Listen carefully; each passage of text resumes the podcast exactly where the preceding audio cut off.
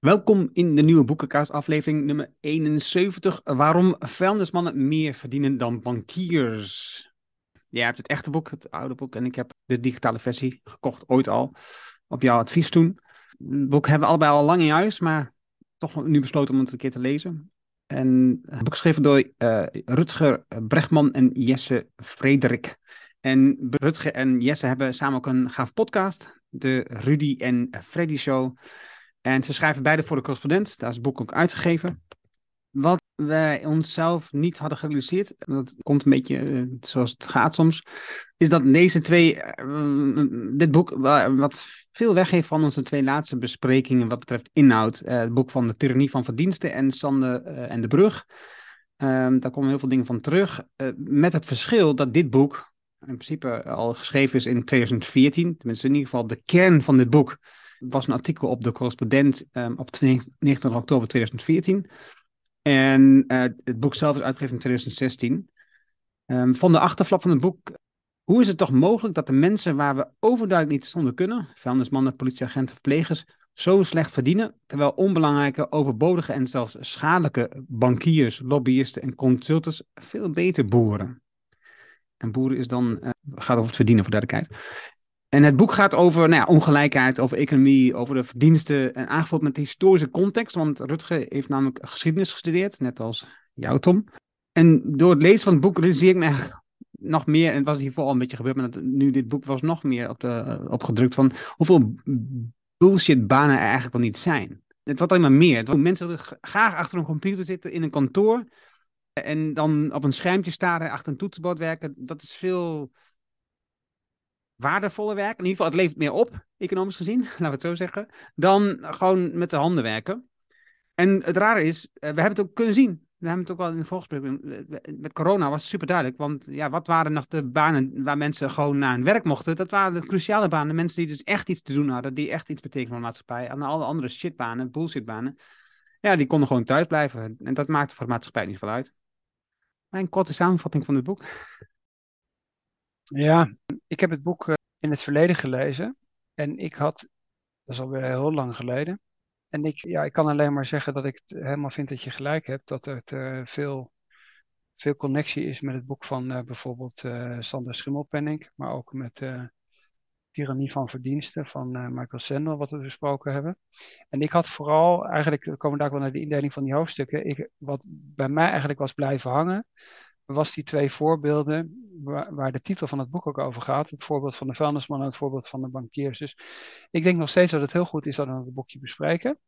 Het is weer een goede aanvulling. Alleen dat is, ik had vooral dat hoofdstuk, merkte ik bij het lezen in herinnering. En minder de, de twee hoofdstukken ervoor en de twee hoofdstukken daarna. Maar goed, dat maakt niet uit. Dus ik stel voor, laten we maar gewoon, zoals jij dat altijd zo mooi doet, die hoofdstukken doorlopen. En dan blijven we wat langer hangen misschien bij de vuilnismannen en de bankiers, of bij de cruciale beroepen. En bij de andere hoofdstukken kunnen we dan wat linkjes maken met de andere boekbesprekingen. En het hoeft ook, ook niet elke boekbespreking hoeft een uur te duren. Dus het is ook niet erg als we een half uur. Als we een half uur. En dit boekje is ook niet zo dik. 100 bladzijden, dus dat is uh, why not?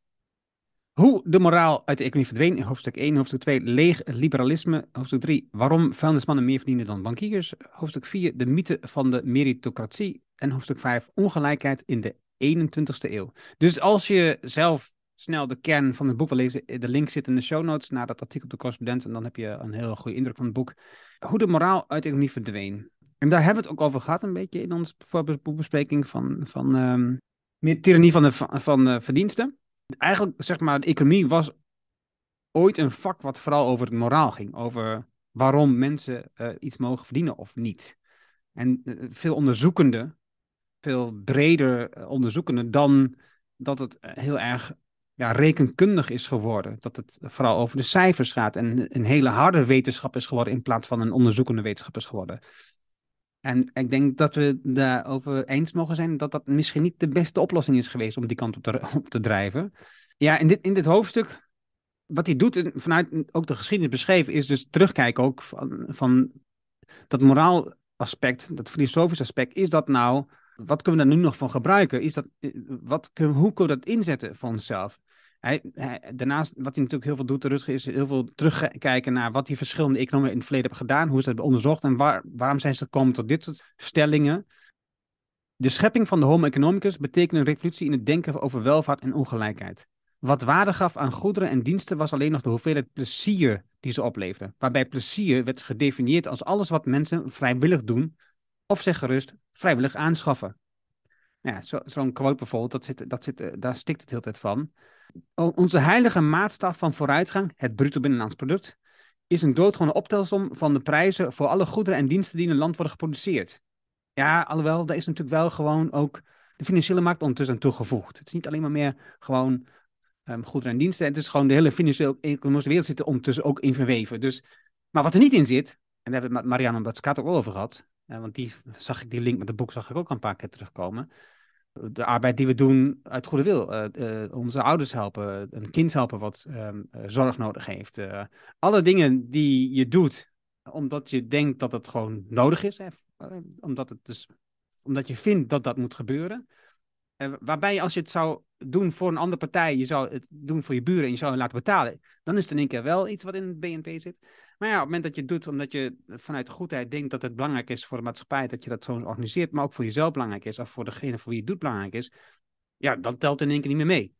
En sterker nog, dat is waar Zande ook zo goed in is. Hè? Dus als we dus kijken naar de hoeveel uren die we dan werken, hè, zouden we dus meer uren besteden in uh, werk wat we doen omdat we het belangrijk vinden, en dus daar geen geld voor vragen, dan zijn we dus niet productief bezig en de uren worden dus ook gewoon niet geteld. Dus willen we ervoor zorgen dat de economie groeit, moeten we ervoor zorgen dat die aantal uren juist toeneemt die wel productief zijn, tussen quotes, volgens het BNP.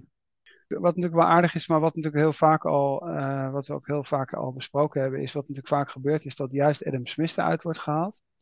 Omdat Adam Smith natuurlijk juist altijd door de, ik zal maar zeggen, grote voorstanders, economen, uh, die, die vanuit het idee van de homo economicus getalsmatig een punt proberen te maken, die verwijzen dan naar Adam, Smith. Maar het interessante is natuurlijk uiteindelijk dat hij gewoon een moraalfilosoof eigenlijk was. Uh, en dat is ook omdat economie vroeger een, ja, een, een gedragswetenschap was in de zin van dat het dan juist geen exacte wetenschap was. Uh, ja, en dat, zie je, dat doen andere schrijvers dus ook. Dus ik, ik meen dat Matsukato dat doet, maar we hebben dat in andere boeken ook gezien. Uh, er wordt ook natuurlijk vaak verwezen naar Aristoteles en Oikos en de ethica, uh, wat hier ook weer gebeurt.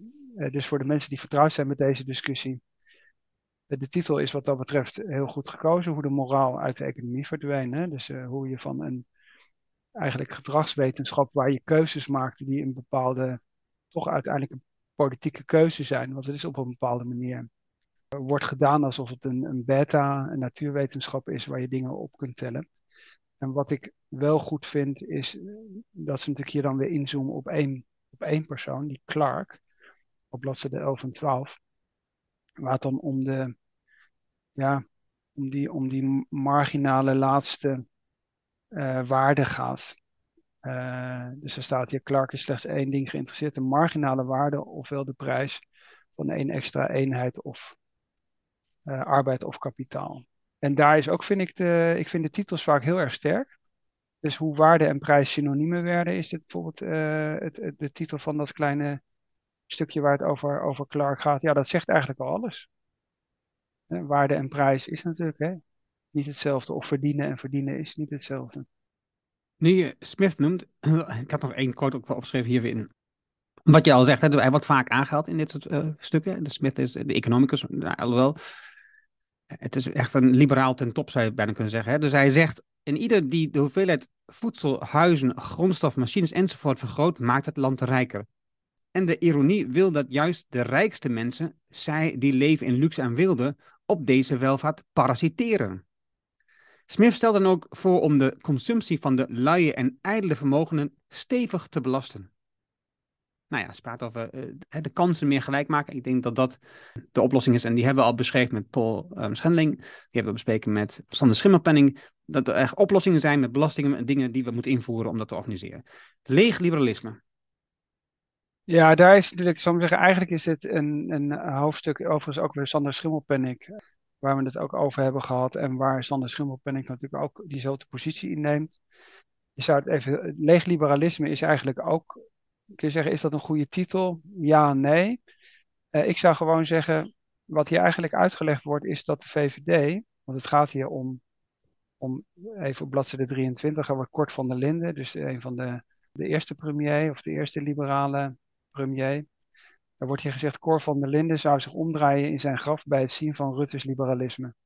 Nou, je kunt het heel simpel zeggen, de VVD is niet liberaal. Rutte is geen liberaal in de zin van, de, van het idee van de, van de kansgelijkheid. Dus als mensen die dat interessant vinden, dan moeten ze de podcast van Sander Schimmelpenning eh, maar beluisteren over de erfbelasting. Eh, dus hoge erfbelasting is typisch liberaal. Sander Schimmelpenning eh, die legt dat elke dag op Twitter uit. Ik zou daar helemaal gestoord van worden. Ik zal vanmorgen ook weer iets langskomen. Want er is zoveel de onkunde of het gebrek aan kennis is voor mensen geen reden om, om te zwijgen. Nee, uh, je hebt bijna het gevoel dat er een correlatie is, een omgekeerde correlatie tussen het niet bezitten van kennis en het toeteren op Twitter. Dus ik ben blij dat ik er voor de rest op dat medium niks te zoeken heb. Uh, wat hier nog een keer leuk wordt uitgelegd is, waar we ook wel eens naar verwezen hebben, en dat past wel, dat betreft ook wel bij uh, Nederland, dat de minister van Financiën onder Cor van der Linden, Willem Treup, die heeft de erfpacht in Amsterdam ingevoerd. Wat dus nu eigenlijk zo, uh, waar zo'n groot vraagteken juist door de rechterkant van het politieke spectrum achter wordt gezet, alsof dat iets heel links is. Nee, erfpacht is iets heel rechts, iets heel liberaals altijd geweest. En dat heb jij in principe net ook weer door een quote heb je dat uitgelegd. Dat het idee wat de liberalen hebben is dat als de gemeenschap infrastructuur neerlegt. En dat was bijvoorbeeld in Amsterdam was dat dat hele gedeelte bij het, bij het museumplein. Want daar was helemaal niks, er lag allemaal polder. En op een gegeven moment breidde Amsterdam uit. En toen heeft Troip gezegd, het is niet fair dat als de gemeenschap die hele structuur aanlegt van de grachten en, en andere dingen, dan gaan, gaan die prijzen van die grondstukken, van die, van dat, die grond gaat omhoog. Maar diegene die dat bezit, die eh, kan er helemaal niks aan doen. Dus wat heeft Amsterdam toen gedaan? Ze hebben juist de boel gewoon onteigend. En gezegd, dat is gemeenschappelijk eigendom. Dat die grond in waarde stijgt, heeft met de infrastructuur en de investeringen te maken. En gewoon erfpacht ingevoerd. Dus dat is het oude liberale idee wat hier nog even uit wordt gelegd. En het aardige is dat ze uit de boeken van Kort van der Linden veel citeren. Ik dacht van ja, eigenlijk zou je eens een keer zo'n boek helemaal moeten lezen integraal en moeten bespreken. Omdat je natuurlijk, wat zij natuurlijk ook hebben gedaan als schrijvers, daar toch wel heel veel hele leuke quotes uit kunt halen. Waar je eigenlijk ook je realiseert hoe ver we eigenlijk ons verwijderd hebben van het liberalisme. Dus ik zou zeggen van, ja, je kunt enerzijds zeggen, is het leeg liberalisme? Nee, je kunt zeggen, het verdient de term liberalisme helemaal niet. Het is het is conservatief aristocratisch. Dat is wat, er, wat eigenlijk de, de VVD is. De VVD is een conservatieve aristocratische partij waar het om het in stand houden van privileges gaat. Dat is in principe waar dit hoofdstuk over gaat. Ja, dat ik mooi vond. Ze hebben dus vier keer een kopje onverdiend inkomen. Um, de eerste is het toeval van de geboorte. Nou ja, zegt het al. Hè, dat, hè, dus, eh, je krijgt iets omdat je geboren bent in, in, in die rijkdom. Rijkdom uit de grond. Nou, dat voorbeeld schets je net bijvoorbeeld. Als, als de grond uh, rijker wordt, dan worden mensen rijker. Dus dat is helemaal niet verdiend. Patenten. En, en, en, wat het mooi was, er zitten dus telkens hele mooie ironische voorbeelden in. In het patentenstuk komt het voorbeeld terug van Philips. En de ridders van je conjunctuur, ook, daar zit weer zo'n fantastisch um, ironisch voorstuk. Mensen die dus eerst heel erg tegen zijn en uiteindelijk gewoon het zelf ook doen. Conjunctuur betekent dus mensen die dus gebruik maken van de opgaan of neer de conjunctuur en daar dus gewoon enorm van profiteren. Dus is nu ook een serie op VPRO tegenlicht. Dat gaat over de waarde van de nieuwe, nee, wat zo heet het ook weer? De nieuwe economie is het niet, maar het is wel iets met economie. En daar zit bijvoorbeeld die, die, um, die shortsellers, die mensen die dus die speculeren op de onderuitgang van markten of wat dan ook. Het, het is een hele leuke serie. Ik zal over die zal ik in de show notes even toevoegen. Het is een hele leuke serie om te kijken. Laten we dan naar het meest belangrijke hoofdstuk gaan. Ik uh, geef van jou de eer. Ja, ik vind dit nog steeds uh, echt een fantastisch, fantastisch hoofdstuk. En ik kende dat eerlijk gezegd helemaal niet. Dus ik bedoel, ik heb dat boek dus jaren geleden gelezen. En dat is wat, ik, wat ook wat is blijven hangen. De twee voorbeelden die hier genoemd worden is, en dat is, past in die context van die cruciale beroepen, waar we het in de coronacrisis natuurlijk ook, ook bij hebben gehad. De vraag, ja, wat is eigenlijk nou relevant voor een maatschappij? En de twee voorbeelden die er zijn, dat zijn enerzijds de vuilnismannen in New York die staken en anderzijds de bankiers in Ierland die staken. En die beide voorbeelden die worden uitgelegd. En dat zijn daadwerkelijk gebeurde stakingen. Dus de ene staking van de vuilnismannen is in 1968. Nou, even om, het, om heel kort met de conclusie te beginnen. Uh, de vuilnismannen staken, dat gaat op een gegeven moment heel erg stinken. Er komen ratten. En na x weken, ik weet niet hoe lang het duurde, ik geloof vier of vijf weken, moest de burgemeester door de knieën en die salarissen van die vuilnismannen verhogen, omdat natuurlijk uiteindelijk gewoon de pleuris uitbreekt in zo'n stad waar je het vuilnis niet ophaalt. Dat wordt één grote puinhoop met heel snel heel veel ongedierte en dan gaat natuurlijk gigantisch stinken, et cetera. Nou, dat is het ene voorbeeld. En het andere voorbeeld is, zijn de bankiers in Ierland die dachten dat ze rete belangrijk waren. En waar, en dat is de conclusie, helemaal niks gebeurt, omdat in de pub degene die daar achter de bar staat, gewoon op briefjes opschrijft, of de mensen elkaar briefjes geven, wat ze aan elkaar nog aan schuld hebben. Uh, en dat duurt dan, ik heb het even niet opgeschreven hoeveel maanden dat dan uiteindelijk duurt, maar er gebeurt gewoon de facto helemaal niks. Dus wat is de, wat is de kern van het verhaal? Vuilnismannen heb je wel nodig, bankiers heb je niet nodig. Of in ieder geval, ze zijn niet zo belangrijk als ze zelf denken dat ze zijn. Ja, en dat is, dat is als ik bijvoorbeeld zit te kijken hoeveel bladzijden dat eigenlijk is. En dat is van 39 tot 56, eigenlijk heel weinig. Dus ik dacht achteraf van, nou, dat hadden ze wat mij betreft best nog wel breder en uitgebreider uh, kunnen doen. Omdat het gewoon, ja, die tegenstelling die maakt het ook zo, zo leuk en eigenlijk ook zo interessant. Omdat als je die voorbeelden niet zou kennen, dan zou je zelf niet tot de conclusie komen dat je eigenlijk gewoon zonder, zo lang zonder bankiers kunt. En het andere stuk wat ook heel interessant is in het hoofdstuk, dat gaat over um, educatie. Aan de ene kant gaat het over de waarde van eh, de leraar, de, de, de, schoolmeester. En ja, die wordt ook vaak onderschat. Hè? Dus hij is heel waardevol, want zeggen zij, hij heeft heel veel ingrip um, uh, op de toekomst van de maatschappij. Want als je, als je op een bepaalde manier lesgeeft, je doet dat programma in een bepaalde manier, dan leid je mensen op in die manier. Hè? Dus als je iedereen opleidt op het gebied van economie, zoals we nu al jaren doen, en met cijfers uitrekenen hoe de economie in elkaar steekt, en niet het moraalstuk accentueert, dan zie je dus welke kanten op drijven. Want die mensen gaan allemaal werken bij de bank. En dat, en dat, dat krijgt allemaal, of die gaan werken bij grote bij corporates. Die gaan, die gaan allemaal die kant op drijven. Dat alles wordt uitgerekend en niet meer wordt gekeken naar wat is nou de waarde van de mens in zo'n organisatie bijvoorbeeld. Wat is de waarde van onze klant? In, hè? Dus de mens als klant wordt niet meer gezien. En dus zij zeggen, ja, eigenlijk is het dus veel meer um, de vraag ook. Uh, welke kennis en vaardigheden willen we onze kinderen meegeven dat zij nodig hebben in 2030 bijvoorbeeld. Hè? Dus dat je daarover nadenkt.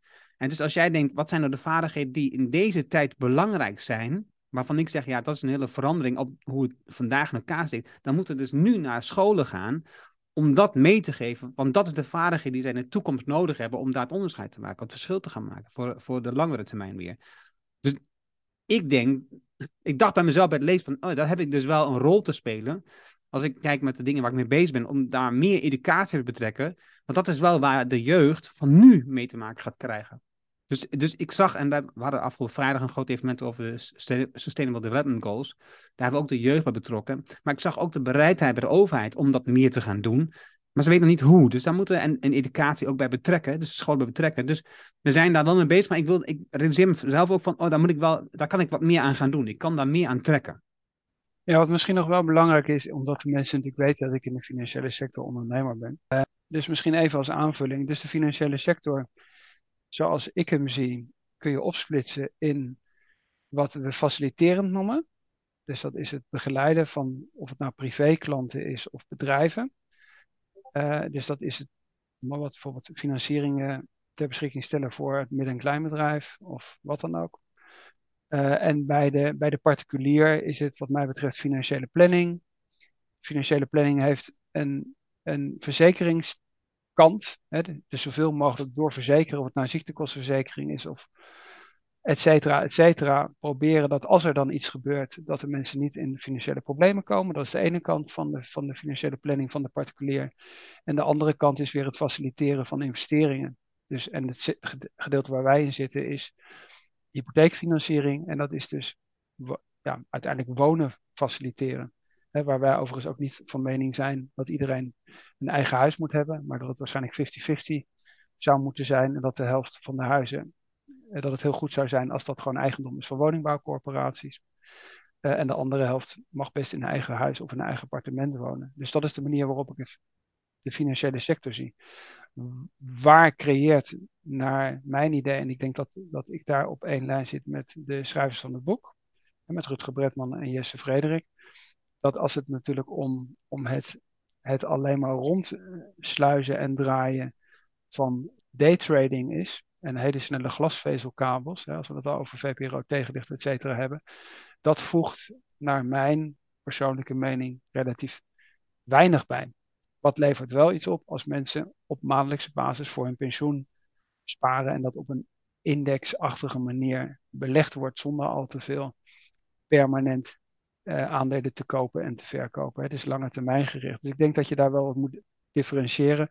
Maar als je natuurlijk een pamflet schrijft, ze zeggen ook zelf het is een pamflet, uh, dan begrijp ik ook wel dat je niet in de nuances je verliest, omdat dan je verhaal ook niet zo leuk en smeuig en direct en provocatief overkomt als het hier ook de bedoeling is. Dus misschien dat nog even als opmerking. Niet dat de mensen zeggen, ja, maar dat is toch juist een aanklacht tegen jouw beroepsgroep. Ik weet niet, de getallen misschien weet jij uit je hoofd, en ik weet niet zeker of het in dit hoofdstuk zat, maar de getallen bijvoorbeeld wat de banken, zeg maar, hè, dus de Nederlanders spaarden in 1984 of 86, ik weet niet wat de getallen waren, maar zeg maar, en dat ergens in die, in die tijd was het, um, spaarden we 3 miljard of zo op jaarbasis. Ja, het ging over de winst over wat er met hypotheken verdiend wordt. Nou, het was gewoon überhaupt over financiële producten. Het ging niet per se over, over de hypotheek volgens mij. Het ging over sparen ook gewoon. En, en dat was opgelopen naar um, dat we, ik veel, 24 miljard um, sparen. Maar dat de banken daarvan iets van 5 of 6 miljard, misschien zelfs wel 10 miljard afroomden. Het is dus uh, je, zag, je ziet daar ook een enorme verschuiving over wat uh, banken uh, aan, aan, zeg maar, voor zichzelf het waard vinden, die dienst die ze leveren. Want ze, die prijs wordt steeds hoger. En zij stelden dan ook de vraag in het boek: is nou werkelijk in die tijd de, de waarde, die, de toegevoegde die je krijgt van zo'n bank, nou werkelijk gewoon voor vijf of voor tienvoudig? Ze geven niet het antwoord, maar nou, het antwoord laat zich raden, heel eenvoudig. Wat ze de 45, 46 is dat. Dus ik kan er best even iets over zeggen. Dus wat je bijvoorbeeld, het was in het belang, hebben we ons overigens ook overigens over uh, geuit als bedrijf. Het was in het belang van de financiële sector om bijvoorbeeld hypotheken niet af te lossen om schulden niet terug te betalen. Want als die schuld constant hoog blijft, dan is dat voor de renteinkomsten voor een bank zinvoller. Wij zijn altijd een groot voorstander daarvan geweest dat er afgelost wordt. Dus wij zeiden van oké, het is heel zinvol om bijvoorbeeld annuitair te financieren, dat mensen gewoon vaste maandlasten hebben. Dan verandert weliswaar de verhouding, maar dat je uiteindelijk gewoon aan het einde van je leven, dus eigenlijk zou het vanuit financieel planningsoptiek, zou het zo moeten zijn dat als je met pensioen gaat, dat je je huis hebt afgelost of die lening hebt afgelost. Dat zou de, insteek moeten zijn, maar niet aflossen om dan enerzijds die schuld hoog te houden en dan parallel tegen de klant te zeggen, ja, maar dan kan ik dat bedrag wat je normaal gesproken in je aflossing zou investeren, kan ik parallel voor je beleggen, dus ik verdien twee keer. Dat vonden wij als financieel planners geen goede insteek. Hoewel ons wel duidelijk is dat je daardoor veel meer geld zou kunnen verdienen. En dat is wat hier, wat hier eigenlijk even uitgelegd wordt. Ja. Overigens, ik denk dat wij, ik met mijn vrouw samen als gezin, nog um, twee jaar te gaan en we hebben onze hypotheek netjes afgelost. Uh, dus, en we hebben niet echt een financieel plan, we hebben gewoon zelf daar in structuur een lijn getrokken. En ik moet zeggen, dat, dat voelt als een heel leuk spel. Dat je elke maand aflost en aan het eind van het jaar ziet, hey, ondanks alle dingen die we hebben gedaan, eh, hebben we toch weer dit jaar zoveel afgelost en is de hypotheek weer zo ver teruggelopen. Dus dat je dat bedrag wat je per maand betaalt aan zo'n bank, dat je dus iets aflopen, dat is een onbeschrijfelijk fijn gevoel als je dat een leuk spel vindt. Ja, dat heb je aan de pensioenkant natuurlijk net zo. Dat als je ziet als burger dat wat je doet, naar de hand, als je 65 bent, om maar even dat te noemen als pensioenleeftijd. En je ziet, oké, als ik dit doe, dan heeft het effect dat ik dan zoveel krijg. Het is eigenlijk gewoon het oude idee van de spaarregeling of van de zilvervloot. Dat is nog steeds heel heilzaam en heel zinvol. Dus je kunt met geld en financiële dienstverlening zinvolle dingen doen. Maar je kunt ook een hele hoop dingen doen die helemaal niet zinvol zijn. En ik denk dat je dat heel goed van elkaar moet blijven scheiden. De mythe van de meritocratie. Nou, eigenlijk ik wil niet zoveel zeggen over dit hoofdstuk, want we hebben het gewoon uitgebreid besproken met het boek um, speciaal hierover geschreven. Wat ik nog wel opvallend vond in het boek, dat heb ik wel gemist in het, in het boek van uh, Sendel. was het boek The Sun Also Rises. En ehm, dat is een onderzoek um, en een, theorie ook van Gregory Clark, een Amerikaanse econoom. Ehm, en hij zegt, de boodschap kan in vijf woorden worden samengevat. Sociale mobiliteit is een illusie. Dubbeltjes worden vrijwel nooit kwartjes. Dat is de essentie wat Sendel ook wel beschrijft, maar in dit boek wordt het gewoon expliciet genoemd. En wat bijvoorbeeld zegt, maar liefst 50 tot 6 procent van je maatschappelijke positie wordt bepaald op basis van je afkomst, inkomen, opleiding, beroep. En dan um, heeft hij nog 20%, ik weet niet meer het percentage uit mijn hoofd, maar en uiteindelijk komt het op neer dat eigenlijk bijna alles waar je nu staat, heeft weinig te maken met je inzet, maar alles te maken met de geschiedenis waar je vandaan komt. En het eigenaardige natuurlijk is dat de liberalen dan op dat moment zeggen, of ja, eigenlijk de neoliberalen moet dan zeggen, dat ze zeggen, nee, ik heb het verdiend. Ik heb al dit werk verricht, daarom is het zoveel waard, dat ik zoveel meer krijg. Het is gewoon, het is gewoon wij staan op de schouders van anderen. En die, die, nou, die quote, wat eerder in het boek werd al genoemd. Um, en ook wel grappig wat hij nog, wat Rutger op dat moment zegt, is, of je nou een vuilnisman of een bankier bent, het is niet alleen bankieren, maar of je een vuilnisman het blijft razend moeilijk om te zeggen welk deel van je rijkdom nu echt uit je eigen verdiensten komt. Want ook als je vuilnisman bent en je verdient veel geld, zoals tegenwoordig in New York, is nog maar de vraag, komt dat nou door mij of komt dat bijvoorbeeld voor een deel door die staking die ooit gevoerd is en waardoor de lonen verhoogd zijn, om wat te noemen. Dus ja, nee, ik, um, en ik zag ook bijvoorbeeld het, het verhaal van Apple, het, uh, de rijksbedrijf van de wereld. Uh, het meeste wat zij de producten hebben, die komen van de belastingbetaler, zoals een Matsukato gezien. En ze ontwijken tegelijkertijd nu zoveel mogelijk de belasting. Hoe wil je de cirkel rondkrijgen? Ja, wat ik inderdaad interessant vind is, en ik heb het boek al vaker gehoord, ook uh, door mensen kreeg ik het aanbevolen, dus The Sun Also Rises. Uh, wat hij dus heeft gedaan over de hele wereld, is mensen op bepaalde achternamen uh, geanalyseerd. En dat gaat dan heel ver terug. Hè? Dus Engeland, India, Japan, Korea, China, Taiwan, Chili, Zweden, et cetera. En dan zegt hij hier op bladzijde 59 dat die sociale mobiliteit in al die onderzochte landen even klein is als in de middeleeuwen. Nou, ik vind het nog steeds absoluut fascinerend als dat zo. Hè? Dus in ieder geval, hij zegt dat, ik kan het niet beoordelen. Ik van ja, eigenlijk moet ik dat boek nu toch eens gaan lezen, want ik heb nou al zo vaak ben ik er tegengekomen. Maar het is natuurlijk op een hele extreme manier, is het dat, dat we in het, wat het inderdaad, wat we in het boek van, uh, van Michael Sender hebben besproken, Tyrannie van Verdiensten. Dus we hebben het idee dat die sociale mobiliteit er is. En dat we die ook met z'n allen in zo'n samenleving eigenlijk zouden moeten nastreven. Ja, en dan zegt, uh, zegt Gregory Clark, dat is een illusie. Nou, denk ik eerlijk gezegd dat als we in dat boek van Gregory Clark zouden duiken, dat het veel meer over de mobiliteit tussen al die generaties gaat. Dus dat je wel een soort golven hebt. Hè? Dus, dus men zegt ook vaak van bijvoorbeeld intelligentie van kinderen en zo, die, die op een gegeven moment tendeert die weer ergens naar het midden. Ik weet niet of dat de natuur dan heeft gewild, et cetera. En hij zegt dus blijkbaar van ja, er zijn gewoon bepaalde, bepaalde namen of bepaalde families die komen elke keer weer opnieuw bovendrijven. Maar het kan natuurlijk wel zijn dat tussendoor één of twee generaties dat weer heel erg gedaald zijn op die sociale ladder. En naar de hand komen ze dan weer in principe omhoog, omdat het op een of andere manier toch daarin zit. En toen dacht ik van nou, misschien dat ik daar toch een biografische noot aan moet toevoegen. Ik loop soms te roepen dat mijn ouders niet gestudeerd hebben. Uh, en dat, dat klopt ook. Alleen het is zo dat mijn vader niet gestudeerd heeft omdat de oorlog uitbrak. En mijn moeder had geen zin om te studeren, maar ze had het wel gekund. Dus en, maar ik ben wel opgegroeid met de boekenkast en de klassieke muziek en weet ik veel wat allemaal. Dus ik zou me best kunnen voorstellen dat dat hier een beetje achter zit. Dus dat, dat, dat er dan toch een bepaald, wat ze dan cultureel kapitaal noemen, dat is dan wel aanwezig. En dan komt men op een gegeven moment weer bovendrijven. Net zoals de Vietnamezen of de Chinezen die dan op een gegeven moment emigreren. Die kunnen best heel arm zijn. En dan kan het best zijn dat zo'n Vietnamees bijvoorbeeld omdat hij moest vluchten met een Lumpia-winkel is begonnen. En dan zijn die kinderen binnen één generatie, studeren ze weer wiskunde of zijn die kinderen beter in wiskunde dan de Nederlandse kinderen en komen ze weer bovendrijven. Dus ik denk dat dat meer intragenerationeel, heet dat dan geloof ik, gezien uh, moet worden. Dus misschien is het een tegenstelling die uiteindelijk misschien helemaal niet zo'n grote tegenstelling is dat dat die in dit hoofdstuk lijkt. Maar misschien is het een keer leuk boek om te bespreken. En denk ik, ik kan me ook herinneren, want andersom, in het boek beschrijft het ook zo, en niet in dit boek, maar in het boek wat we net hebben gehad. Dat dus, oh, dus het kan best wel zijn dat het een paar generaties, eh, dat het stijgende is. Maar dan zie je in die van die ook weer dat het weer omlaag gaat en dat je weer terug naar de middelmoot komt. En ik, kan me er wel iets bij voorstellen, ja. En we zien nu ook de tendens, uh, die horen we ook overal, dat onze kinderen het voor het eerst weer slechter gaan krijgen in de toekomst dan onszelf. Um, ik zie het wel zitten. Oké, ongelijkheid in de 21ste eeuw. Het is natuurlijk net zoals dit vorige hoofdstuk, dus het hoofdstuk eigenlijk was van de tirannie van verdiensten en over die meritocratie gaat.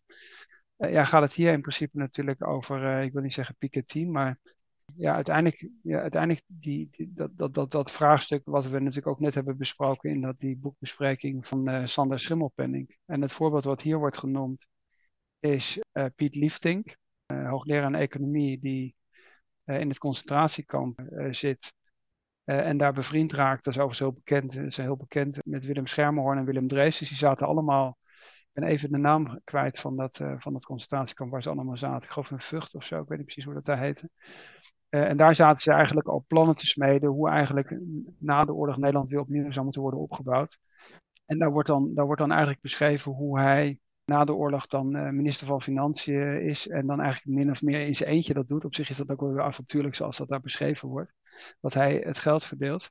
Maar wat interessant is, is op bladzijde 78, dat, en dat is een voorbeeld wat er ook al vaker zijn tegengekomen, omdat het in Duitsland bijvoorbeeld ook is gedaan na de oorlog, dat na de oorlog heel sterk afgeroomd wordt. En dat voorbeeld wordt hier heel goed beschreven. Waar hij zegt van die, al, die, die biljetten van 100, euro, van 100 gulden, die worden allemaal ongeldig verklaard. Die moeten worden ingeleverd. Dus dan probeer je eigenlijk al die, al dat, ja, die, die, die zwarte economie, wat natuurlijk, heel veel mensen die woekerwinsten hebben gemaakt tijdens de oorlog. Uh, dat wordt er eigenlijk gewoon uitgezeefd. En dan, wordt, dan zegt hij naar de hand, aan, onderaan die bladzijde, hoe wordt het dan weer eigenlijk uh, uh, geniveleerd. Uh, wordt hier beschreven, er was een geweldige rechtsovertuiging na de oorlog dat het nodig was om iedereen in de armoede te laten delen. Ook de rijken en zeker de mensen die de oorlogsomstanden uh, hadden geprofiteerd. Dat is wat, natuurlijk ook logisch is. Want als jij natuurlijk in de stad woonde en geen levensmiddelen had en de boeren die hadden die wel en die, die verkochten alles tegen juwelen en, en geld. Ja, dat vonden mensen natuurlijk niet, niet uh, rechtvaardig. Dus er staat hier, hij voerde twee draconische heffingen door. Alle winst die tijdens de oorlog was verkregen, werd met 50 tot 70 procent aangeslagen. Wie niet kon aantonen dat hij zijn geld eerlijk had verdiend, omgekeerde bewijslast dus, heel goed, kreeg zelfs een heffing van 90 procent voor de kiezen.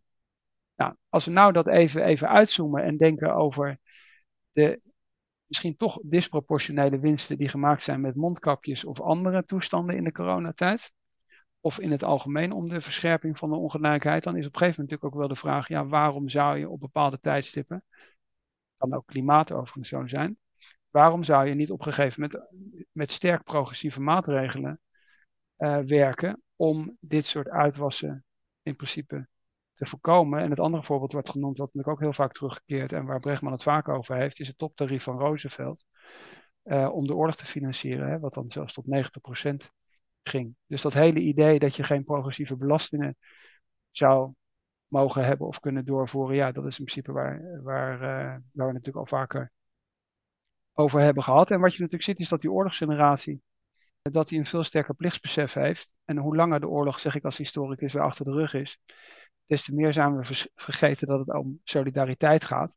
En dat je eigenlijk niet moet wachten tot er weer een oorlog is om solidair met elkaar te kunnen zijn, maar dat je solidair moet zijn omdat het uiteindelijk logisch is dat je solidair moet zijn. Het thema van, San, van Sander Schimmelpenning. En, maar wat natuurlijk wel zo leuk is op bladzijde 82, om dan weer helemaal naar het begin van onze filosofische westerse geschiedenis terug te gaan. Er staat dan hier, Aristoteles schreef al in het boek vijf van zijn politica, ongelijkheid zorgt vroeg of laat altijd voor verzet, opstand en revolutie. Ja, dat is natuurlijk toch altijd de kern. Hè? Dan zijn we bij de hooivorken en uh, Dick Haan of uh, Nick Hanauer et cetera. Dus doe dat in je eigen belang. Je kunt het of in je eigen belang doen, of je kunt het doen omdat je gewoon in en in fatsoenlijk bent. En eigenlijk vindt dat je bevoorrecht bent, dat het veel beter met je gaat. En omdat je je dan bevoorrecht vindt, vind je het ook je morele plicht om meer dan proportioneel af te dragen aan mensen die minder geluk hebben gehad. Een mooie titel van een van de uh, sub, subkopjes was de drie oorzaken van gelijkheid. Dus je gaat op zoek naar uh, wat zijn nou die drie oorzaken? Oorlog, oorlog, oorlog. Het is het enige moment in de geschiedenis waarbij we dus. want Nederland was een lange tijd extreem ongelijk land, schrijft hij, begint hij dat hoofdstuk mee. Ehm, maar de oorlog maakt het verschil. Daar hebben we gelijkheid mee geleerd. En grappig, want het boek is natuurlijk in 2016 gepubliceerd. En ja, je ziet dus eigenlijk dat hoe extreem het nu alweer geworden is, onze vermogensongelijkheid in Nederland. En ook de verdienstenongelijkheid. Het is eigenlijk alleen maar verder toegenomen. Hè? Dus hij, hij zit nog op een niveau dat het eigenlijk nog, nog te doen is. Het, wordt, het wordt steeds extremer. Dus die Rick Hanauer, die eh, hebben we vorige keer ook genoemd. En ik zal even een linkje toevoegen. Dat zijn TED Talks, die stond ik in het vorige artikel. Ja, dat is iemand die dus met 1 miljard vermogen juist zegt, nee, we moeten juist de rijken belasten. En hij zegt, dit geld heb ik nu op dit moment nodig om juist deze stappen mogelijk te maken. Om wetten door te voeren, om campagne te voeren voor dit soort zaken. Want anders dan zou, dit, zou ik dit nooit kunnen veranderen. Als ik dat geld zou afstaan naar armen, dan zou ik wel die armen op dit moment helpen. Maar dan kan ik nooit een grote wijziging op de wereldschaal eh, realiseren. Dus ja, laat het pitchfork maar komen. Laat, uh, laten we de, de onrust beginnen. Want dan gaan mensen, uh, zoals Sander die er nu bang voor is, die zien, ja, ik heb gelijk, we moeten toch maar wat gaan afromen van onze winsten. En maar wat ehm, erfbelasting invoeren. Ja, wat ik nog wel belangrijk vind is, omdat we natuurlijk heel veel refereren ook aan die tirannie van verdiensten.